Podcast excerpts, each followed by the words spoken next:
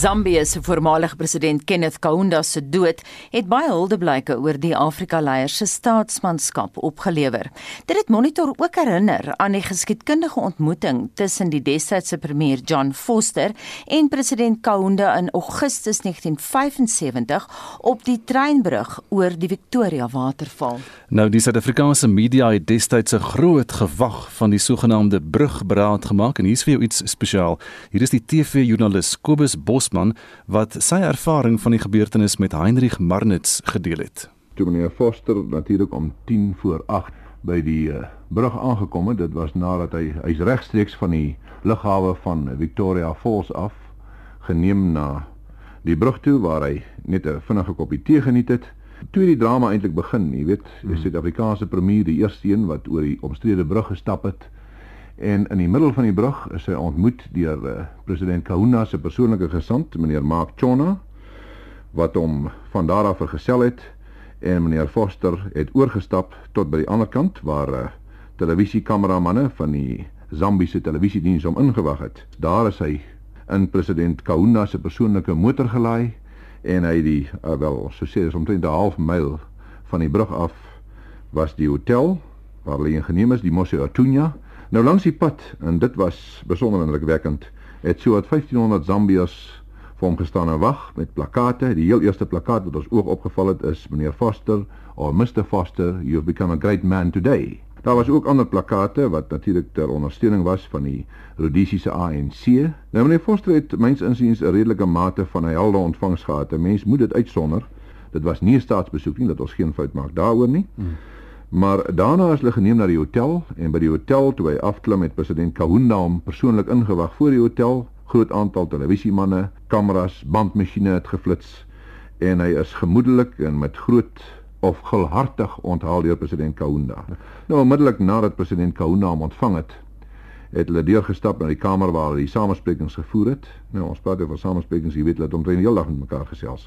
Hulle het ook twee keer saam geëet, né? Hulle het twee keer saam geëet, die middag en weer die aand. Ja. Toe hulle ingestap het by die hotel, was daar natuurlik die presidensiële erewag wat die geweer representeer het. Hulle het opgestap na die kamer toe. Ons het weer daar toegelaat om foto's te neem waar hulle heel gemoedelik gesit en gesels het. Kan jy onthou wat was die eerste woorde gewees wat president Kaunda gesê het en uh, meneer Foster gesê het? Welcome Mr Foster to Zambia. Mens kon nie baie duidelik hoor wat hulle sê nie. Jy weet dat ons so toegestaan ons kon nie sien wat aangaan nie.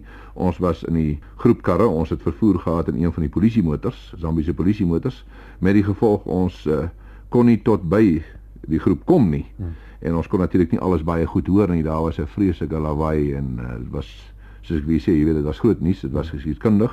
En mense het onmiddellik onder die indruk gekom van die geskiedkundige gebeurtenisse wat daar plaasvind. Geskiedkundig in die moderne Suider-Afrika, jy weet. Nou om nou weer terug te kom tot by die berig, daar het hulle so vir 'n uur lank beraadslaag. Ek het teruggegaan om uh, berigte te doen en ons het ons televisiefilm versend, die wat jy gesien het op die televisieprogram maandag aand. Ja, môre. Nou wat baie interessant was, ek was skaars in die hotel toe self vir my of toe was ek gaan na 'n uh, gerug deur dat president Kahuna aan Rhodesië se kant is. Nou dit was natuurlik wel amper ongelooflik. Ons stap toe op na die stasie toe en hier's uh, waar die persoonlike koets uh of passasiers waar liewer van die hoofbestuurder van die spoorweë gestaan het, het meneer Foster en Kahuna weer gesit en gesels. En wat baie interessant was en ek dink dit was ironies en veral dramaties is die feit dat die uh, passasiers was bewaak deur Zambiese veiligheidsmense en Rhodesiese veiligheidsmense en ook natuurlik die Suid-Afrikaanse spoorwegpolisie mense op Rhodesiese grondgebied. Kyk as nuusman sou ek sê dit was een van my grootste ervarings en dit is die ontmoeting van uh, die twee sal ons amper sê ons tweede figure in Afrika, meneer Foster aan die een kant en president Kahuna aan die ander kant. Waar mense by mekaar gesien het, was hulle altyd gemoedelik. En dit dan die stem van die TV-joernalis Kobus Bosman wat met Heinrich Marnitz gepraat het. Die klank kom uit die SAIK se wonderlike argief en is opgespoor met behulp van Karen de Tooy. Vir meer oor die konteks van hierdie vergadering, praat ons nou met die historikus professor Wessel Visser van die Universiteit Stellenbosch se departement geskiedenis. Goeiemôre. Môre Anita. Wessel, die konteks van die vergadering is interessant want dit het eintlik niks te maak gehad met Suid-Afrika nie, of hoe? Ja, die, ek hoor die journalist praat van uh, die woord ironies. Uh die pers het 'n geweldige gewag gemaak van uh die wit leier van apartheid Suid-Afrika wat met uh die verteenwoordiger van van Afrika state wat Kaunda was uh, geonderhandel het, maar eintlik was die hele beraad gerig om uh, gehou om 'n oplossing te probeer kry vir die uh, minderheidsregeringsprobleem in in Rhodesië. Uh, en dit is gereël om die strydende partye uh, in in die Rhodesiese kwessie bymekaar te bring. Sê vir my, wieso dit klink of jy op speaker is? Um kan jy dit jouself net afhaal van speaker af? Um apartheid, is dit tydens hierdie treinberaad, is dit toegenaamd bespreek? Kyk, Kaunda was uh altyd 'n uitgesproke uh persoon teen apartheid gewees. Uh voor dit uh het hy dit baie duidelik gemaak, maar ek dink dat dit hieroor uh weier uh, situasie gegaan as as eenvoudige apartheid. Uh ons moet onthou dat die Portugese uh, koloniale ryk het op daardie stadium geval en uh beide Foster en uh, Kaunda om verskillende redes uh wou uh, probeer om 'n oplossing te kry in die, in die potensiaal vir konflikuitbreiding. Uh konflik in Angola en Mosambiek en konflik uh, in in Rhodesië. Uh Foster aan die een kant was al hoe meer geïsoleerd geweest en hy het besef dat om Suid-Afrika se posisie te verbeter veral ten opsigte van die die nuwe frontlinie state wat nou ontstaan het, daar is nou nie meer 'n buffer van uh wit koloniale state rondom Suid-Afrika nie. Uh so hy moes kyk uh vooruit weg uh en en dit sou beteken dat uh, hy sou poging moes aanwend om die Rhodesiese geskil op te los. En Kaunda aan die ander kant was uh bekommerd geweest dat uh hierdie uh, eskalering van veranderinge tussen die uh, magte van Rhodesië van uh Jan Smit uh in die revolusionêre magte van van mense soos Mugabe uh, waarvoor hy uh, huisvesting op sy grondgebied gegee het, uh, lei tot destabilisering. En dan is daar ook nou nog uh, UNITA uh, die MPLA wat ook uh, sy gebied begin destabiliseer het. So beide van hulle uh, het 'n rede gehad om daardie probleem op te los. So die gesprek tussen hulle wat plaasvind het so baie eerder oor daardie aspek gegaan het. Uh, want uh, die apartheid kwessie in Suid-Afrika was maar in elk geval 'n slijmbrand gewees uh van dat uh, Kaunda aan bewind gekom het. Hoe belangrik was hierdie beraad vir John Foster self en die manier hoe hy dit bestuur het oor die nuus wat uitkom na na sy eie mense toe in Suid-Afrika, die wit kiesers in Suid-Afrika. Hoe belangrik was hierdie kwessie vir hulle? Kyk, hoe staan Suid-Afrika was in 'n baie goeie posisie tot omtrent so die helfte van 1970s. Foster het twee verkiesings uh by verre gewen land se groeikoers was goed geweest. Ons is besig om Sasol 2 te bou en Foster se statuur was binnelands geweldig uh, groot geweest. Nou is die daar voor die inligtingskandaal. Mm. Die die val van die Portugese ryk het die het die hele uh, magspel in Suidelike Afrika drasties verander en, en hy het 'n paar dinge besef. Uh hy het nie meer soos genoem het die, die bufferstaat gehad, uh, state gehad wat wat uh Suid-Afrika kon afskerm van van die ANC uh, of, of of of van van van SWAPO in besit Suid-Afrika nie. Uh, hy graag met sy uitwaartse beleid of hy tans dit genoem het destyds uh Afrika se posisie wou wou verbeter. Hy ook besef dat die minderheidsregering van Jan Smit was was nie uh, volhoubaar gewees nie. Uh en uh dat as hy Suid-Afrika se se eie posisie internasionaal en veral uh, wat Afrika betref wil verbeter, uh sou dit om geweldig uh tot voordeel strek as hy uh uh dat sou kon bydra om die Rhodesiese geskil uh op te los. Mm -hmm. Nou 'n tweede ontmoeting tussen die twee leiers sou in 1976 in Genève plaasgevind het. Het dit toe gebeur? Nee, kyk daar was nie 'n ontmoeting tussen uh, Foster en Kaunda nie. Dit was uh, die Rhodesiese geskil is is is verder gevat so intoe en uh, Henry Kissinger se onthou Amerikaanse minister van buitelandse sake het nou uh, op op die toneel verskyn. Foster het wel uh op aandrang van van Kissinger uh vir ehm um, Jan Smit uh probeer oorreed om die die beginsel van van meerderheidsregering te aanvaar. En Smit het toe begin onderhandel met die gematigde leiers, mense soos Biskop Abel Musarewa en dan Malingi Sithole, maar die probleem was dat uh, die meer radikale ouens soos Joshua Nkomo en Robert Mugabe uh, was nog steeds nie daarby uh, betrokke nie. En die beraad het uiteindelik misluk. En uh, dis eers hier teen 78 uh verder gevat uh, toe uh, ja, uh, in die tussentyd het uh uh Smit toe wel onder druk van van Foster ingegee en maar die gematigde partye van uh Musarewa ehm uh, toe uh, uiteindelik 'n uh, minderheidsregering gevorm maar uh, die druk het toegeneem. Uh Joshua en Komo en, en Mugabe wou nog steeds nie uh, inkoop op hierdie idee nie.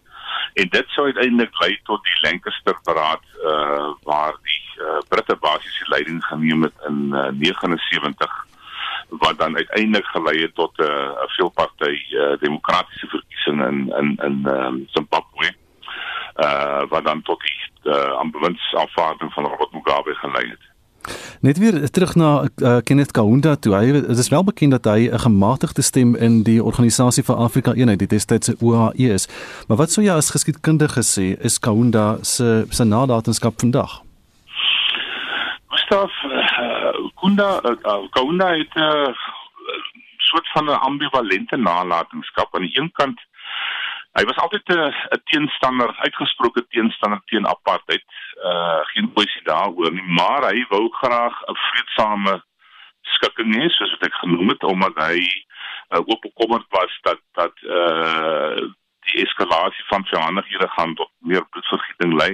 Hy het byvoorbeeld gesê dat uh witman het 'n plek uh in Afrika is, is uh Afrika is, is is die vasteland van die van die Afrikaners, maar uh, dit moet sonder uh rasse-diskriminasie gebeur. So hy hy was 'n wat dit betref uh, 'n persoon wat gestreef het na vrede. Aan die ander kant, ja ja, en dan kan ek miskien ook by sê uh hy was een van die die eerste sogenaamde elderly statesmen van uh van Afrika, saam met mense soos uh Kenyatta van Kenia en Nyerere uh van Tanzanië. Aan die ander kant uh, ongelukkig uh, het hy ook aan die uh, soort van persoonlikheidsskuld gelei waar aan aan aan aan baie van van van hierdie uh, persone gehad het.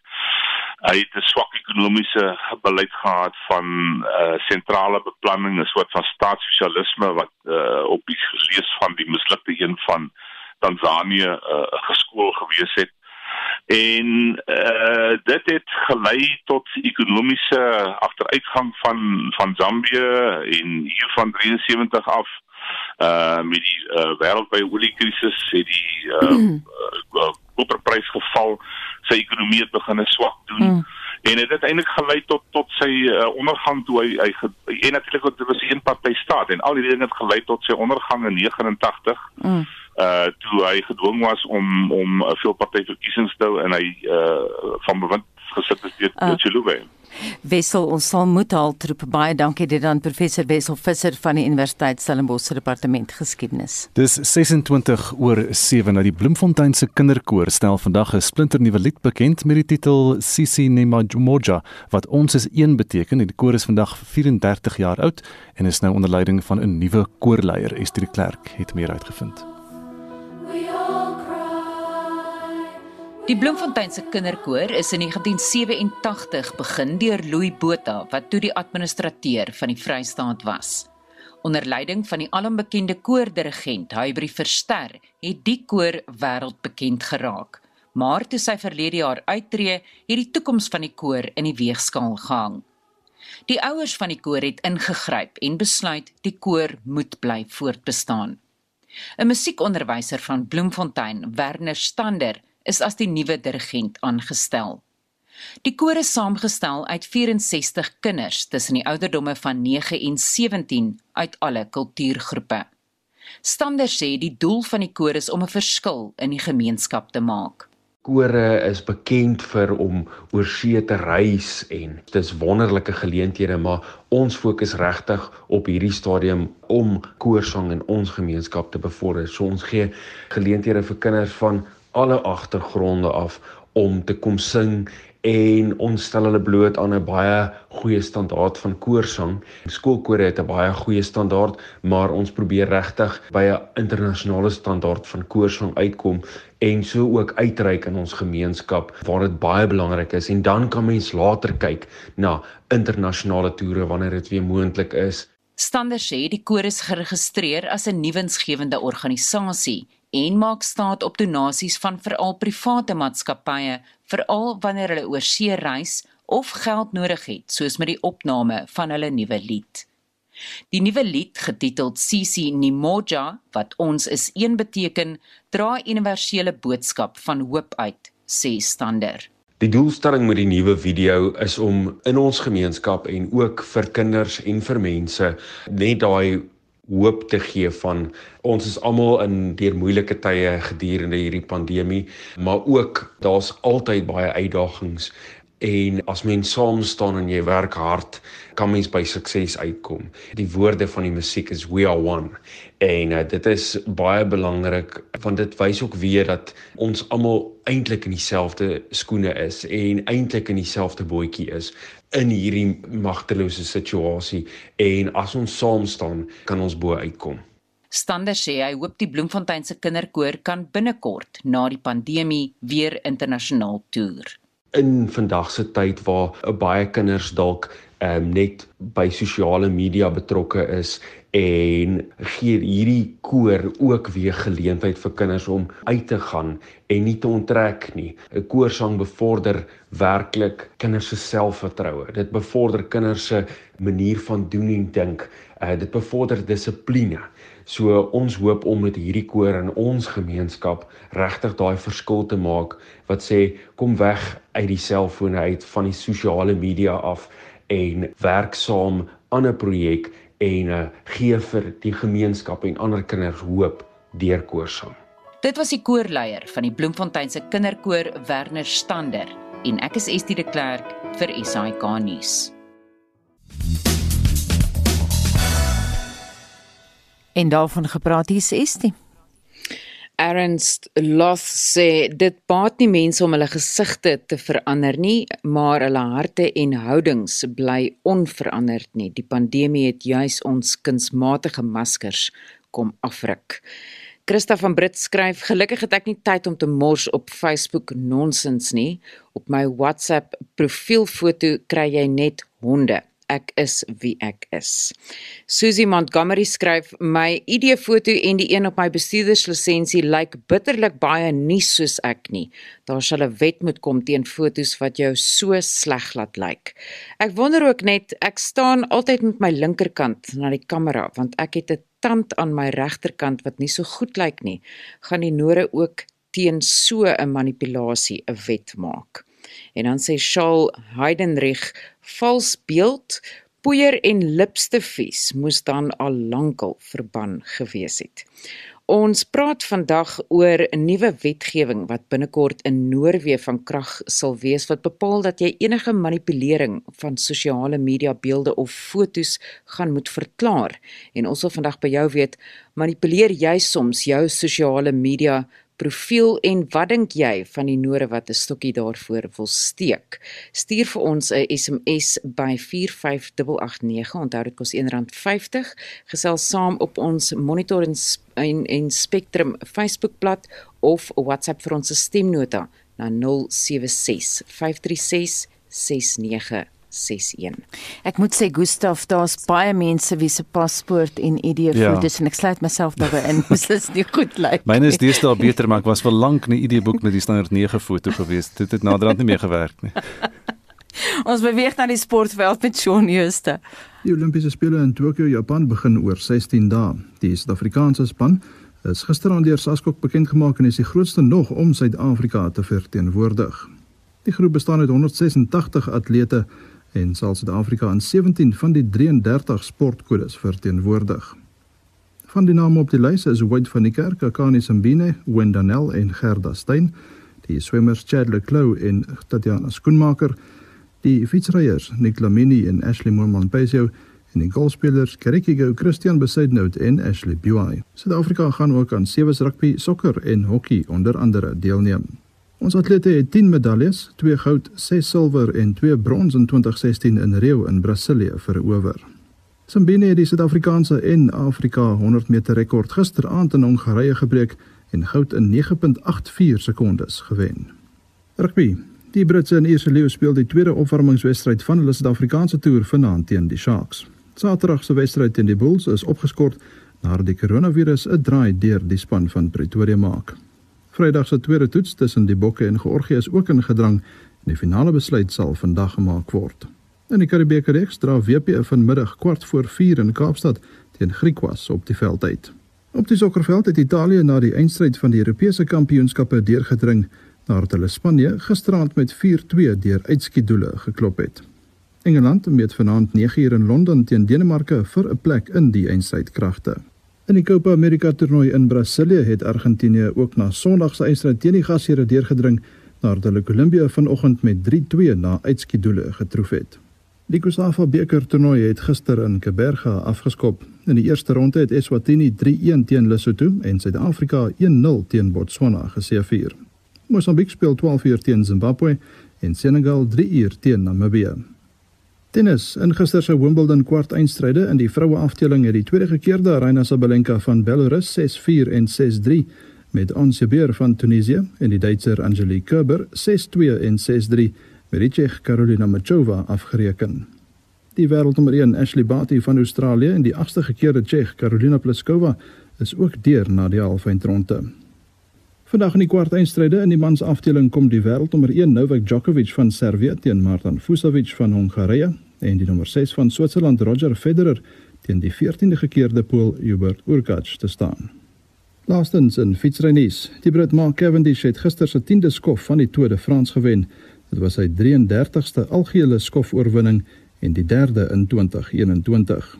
Die verdedigende kampioen Tadej Pogačar van Slovenië dra steeds die geeltrui en is 2 minute voor die Aussie Ben O'Connor in die tweede plek en meer as 5 minute voor Rigoberto Urán van Kolumbie in die derde plek. Suid-Afrika se Louis Mentjies is 19de. Shaun Schuster, SAK Sport.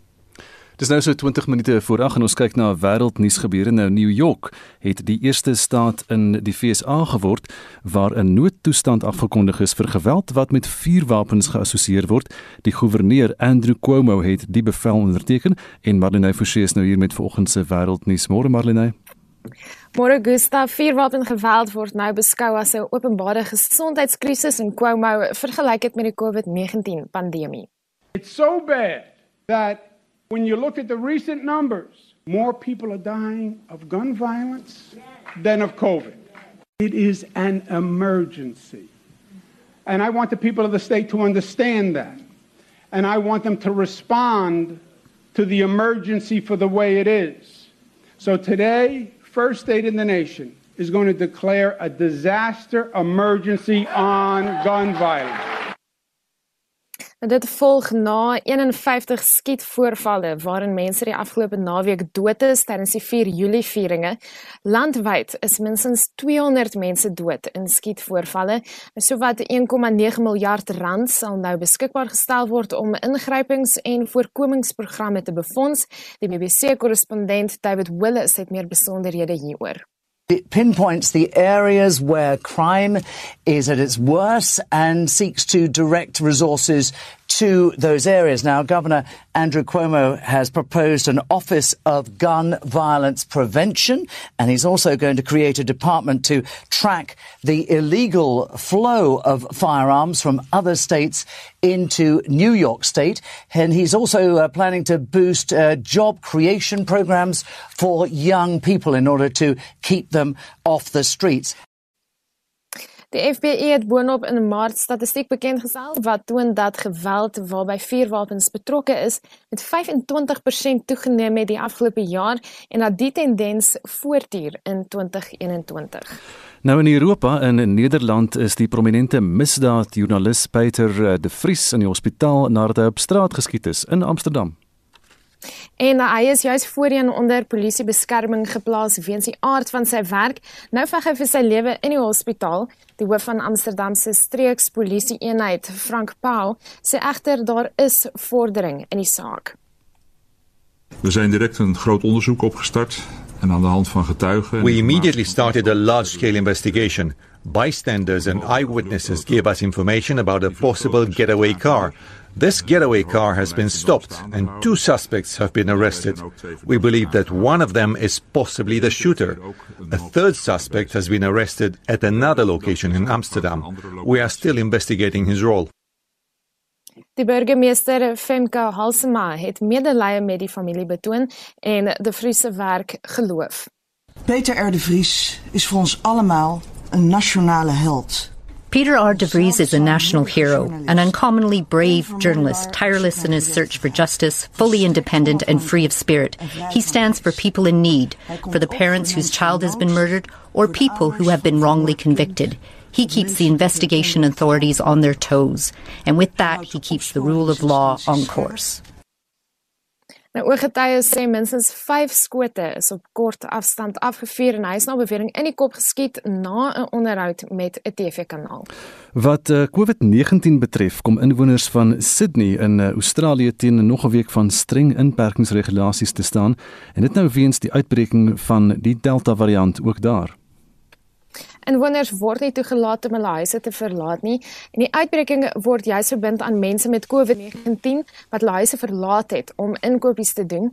Nou die inperking sou eers komende Vrydag opgehef word, maar die besluit om strenge inperkingsregulasies in te stel tot die 16de Julie word nou toegeskryf aan 'n vinniger verspreiding van die virus en 'n lae inentingskoers in die land en in die stad. Die uitbreking van sowat 330 gevalle in Sydney is die ergste van die jaar jaar. En dan in Indonesië staan die sterfsyfer weens die Delta variant op minstens 500 mense per dag. Word toegeskryf aan die gebrek aan enstof en suurstof in Indonesië en dit terwyl Maleisië aangekondig het dat hy teen die einde van die jaar minstens 80% van sy inwoners sal kan inent. En net voordat ons klaarmaak met die wêreldnuus volgende, daar's nog steeds 'n storie wat aan die ontvou is in Amerika, Marlene. Ja, die tropiese storm Elsa wat na die kus van Florida beweeg is weer opgradeer na 'n orkaan. Hulle het die afgelope naweek gesê dit is nou nie meer 'n orkaan nie. Dis sê hulle dis 'n tropiese storm, maar dit is nou weer 'n orkaan en die owerheid daar sê die relevante voorbereidings is getref. Ons hou die storie dop. Marlene Forsie met eh, volgens se wêreldnuus gebeure. En ons bly in Europa, nuwe wetgewing word binnekort in Noorwe van krag wat vereis dat enige persoon wat fotos op sosiale media plaas, moet verklaar of daar elektroniese regstellings aan die fotos gemaak is. Nou die vereiste is is dat die beeld nie te ver moet afwyk van die werklikheid nie. Dis fotos wat gefotoshop word om jou brandmaar te laat lyk like, of beeldskoon terwyl die teendeel waar is, is in die skandinawiese land voortaan taboe. Vir meer oor die tegniese aspek aspekte van die manipulering van sosiale media beelde, praat ons nou met professor Basie van Solms van die Universiteit van Johannesburg se sentrum vir kubersekerheid. Goeiemôre. Hallo Anita en aan al RSG se luisteraars. Vanuit 'n tegniese oogpunt, hoe maklik is dit vir die leek om fotos te manipuleer? Kyk, ek net eers vanaf die uh, opmerking maak oor hierdie hele wetgewing. Ehm um, die wetgewing in Noorwe wat soos jy tereg sê nog 'n konsep wet is, vereis nie dat alle fotos nie uh, verander mag word of aangepas mag word nie. Dit is spesifiek gerig op sogenaamde adverteerders, mense, uh uh opiniemakers ensovoorts wat in fotos verskyn ensovoorts wat ander mense in die land kan beïnvloed. Uh so dis nie 'n uh, uh carte blanche wetgewing wat sê jy mag nie jou fotos verander nie. Dis ons is ver daarvan. Hierdie gaan spesifiek oor beïnvloeders en mense wat ander mense in die land probeer beïnvloed om produkte te koop. Hulle moet uh aanduiding gee. Dit word ook nie verbied nie. Hulle kan dit doen, maar dan moet hulle aandui as jy nou gesê het met in terme van een of ander uh, uh logo of wat ook al dat hierdie foto is nie die regte een nie, maar is gemanipuleer.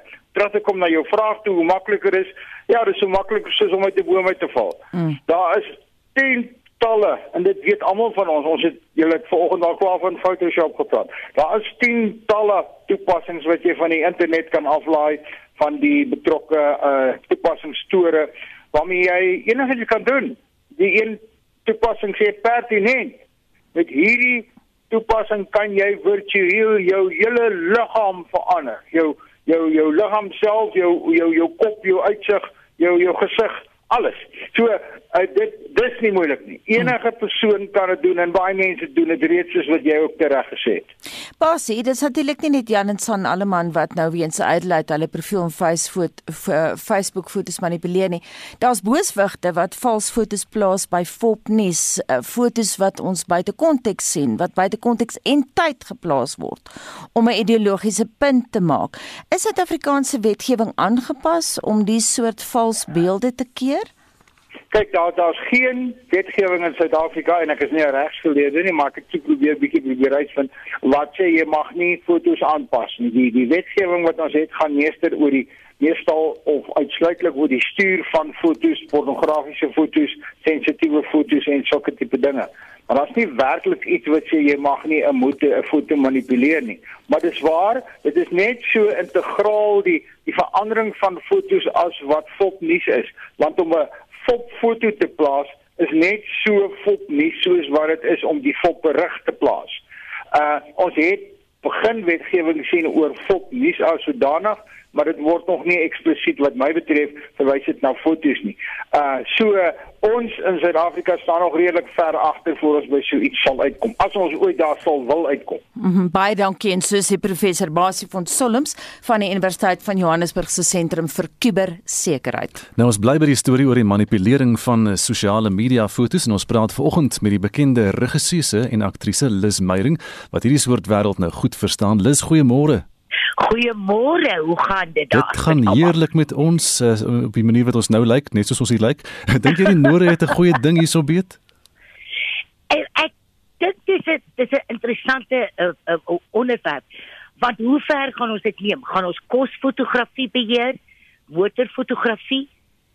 Uh, ek weet baie beslis dit is gaan nie net oor mense nie. Uh, uh maar ons moet versigtig wees hoe ons onsself voorstel aan die wêreld. In my beroep sê ek altyd we sell smoke and mirrors. Jy weet, ons dit is magic. En uh, die navorsing bewys dat mense 3 sekondes vat om te kyk byvoorbeeld na 'n voorblad van 'n tydskrif of 'n plakkaat. So om te besluit, gaan hulle daai publikasie koop of gaan hulle daai produksie kom sien. En dan gaan 'n mens natuurlik jou beste voet voorsit.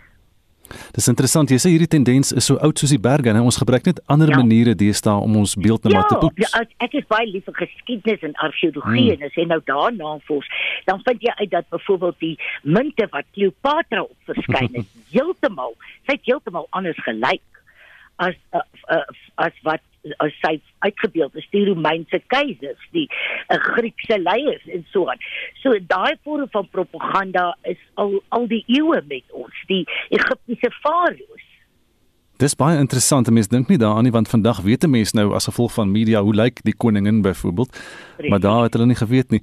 Ehm um, ons het nou verwys uh, in 'n inleiding na die, na die feit dat dit 'n wêreld is wat jy goed verstaan en en jouself was al baie tydskrif voorblaaie gewees. Ja. Is daar vir jou 'n etiese streep wat hulle kan wat hulle net dan trap hulle oor daai streep? Ek dink daar is. Onthou net as jy die onderwerp is van 'n voorblad byvoorbeeld as hulle foto's gee jy het geen beheer oor watter foto hulle kies en hoe hulle dit gaan manipuleer nie. Ek onthou 'n kat voorblad van jare terug. Hmm. pragtige voorblad maar my oë is blou gemaak want die agtergrond van die van die voorblad was blou en toe ek hulle daaroor vra het hulle vir my gesê blou oë staan meer uit as bruin oë byvoorbeeld. Hm, maar jou oë is nie blou nie. So het jy gevoel toe jy nie, toe jy ja. daar staan en jy sien dit en wat het deur jou gegaan? Ek ek was 'n bietjie verstom. Ek het verby my eie voorblad geloop. so het vir my gesien. Maar nou moet dit vir jou op 'n bietjie meer van die humoristiese manier sê. 20 jaar terug sou ek gesê, "Nee, ek wil lyk net soos ek lyk." en dit is alles verkeerd ek is nou ouer. nou gee nie meer om. Dit is 'n bietjie meer ydel en ja. sê dankie tog gelaal die ploeie uit my nek uit. Ek weet ons het hier 'n RSG webblad gehad, die vorige webwerf van RSG het dit ook maar so 'n bietjie die mense het nie heeltemal gelyk soos hulle eintlik lyk nie.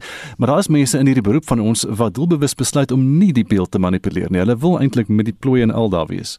En ek bewonder hulle daarvoor.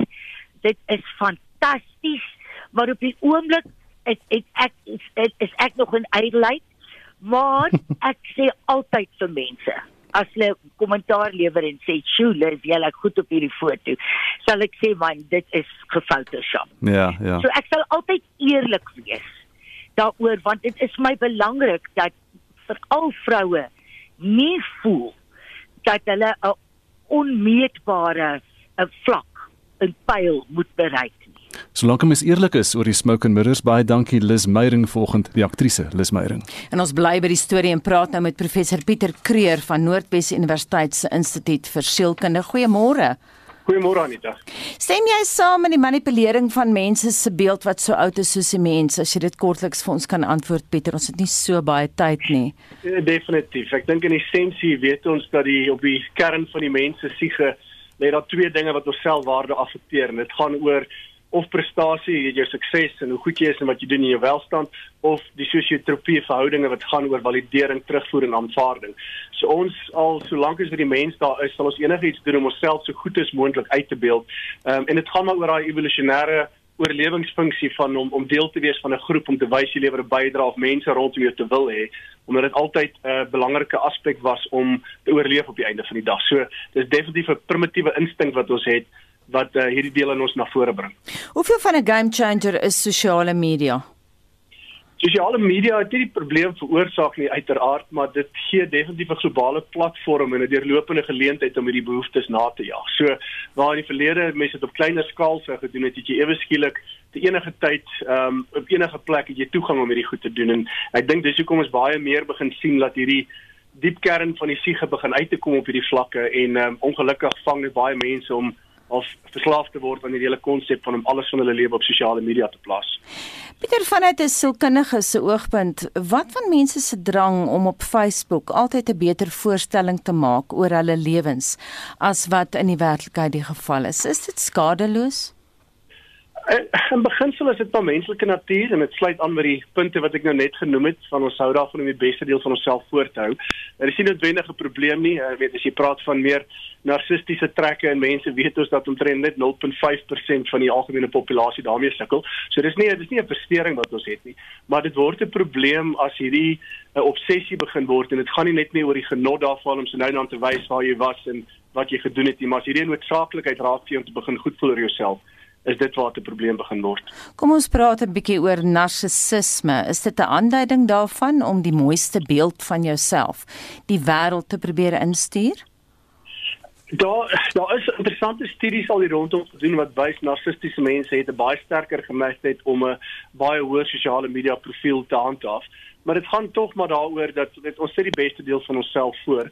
Ehm um, die die probleem wel daarmee is dat as jy selfs die mense wat ons ken, as jy gaan kyk hoe mense se lewens uh, regtig verloop en jy kyk wat hulle op sosiale media plaas, wonder jy soms hoe bring jy die twee bymekaar uit want dis as jy weet wat agter die skerms aangaan glad nie hoe dit is nie. So daar daar's 'n deel wat wat verstaanbaar is vir die mooiste van jouself voor, maar dit moet net nie daai vlak oorskry wat obsessief begin raak nie. Ek wil juist vir jou vra, as dit obsessief raak, dan het mense probleme met die al ewige gepeter aan fotos en Facebook beelde. Die probleem is daar's 'n baie sterk neurochemiese komponent by betrokke. Want die oomblik as jy 'n uh, 'n like op Facebook kry op 'n foto, daar's mooi studies 2019-20 studies wat wys, sodra dit gebeur, aktiveer dit dele in jou brein wat deel is van jou beloningsstelsel. So jou brein skei 'n neurooordragstof dopamien af wat vir ons 'n 'n feel good effek gee.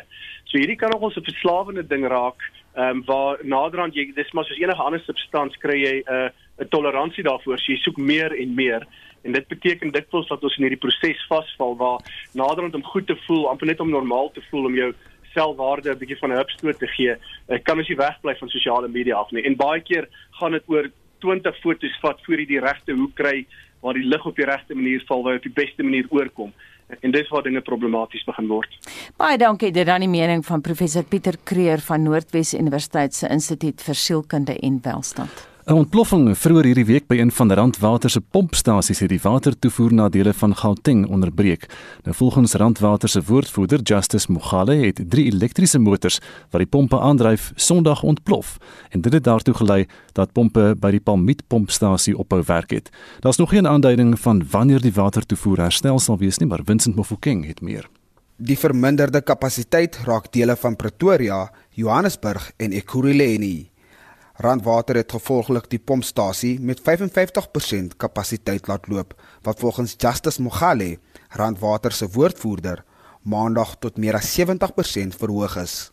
Randwater's Palmit booster station exploded on Sunday, leading to three of our voltage motors that are used to run the pumps to fail. The incident resulted in the depletion of reservoir water levels uh, of the Palmit system. After the explosion, the water supply to these municipalities, to, to the municipalities of Ekuruleni, Tswane, and Jobek, uh, was reduced to 55%.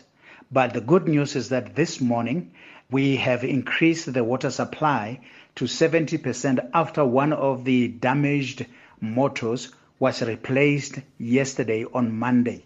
Die geskatte tyd tot volledige herstel is in hierdie stadium onbekend. Yes, there are still certain areas in these three municipalities that still do not have water, but Rand Water is working around the clock to ensure that uh, the repairs are done and normal operations resume.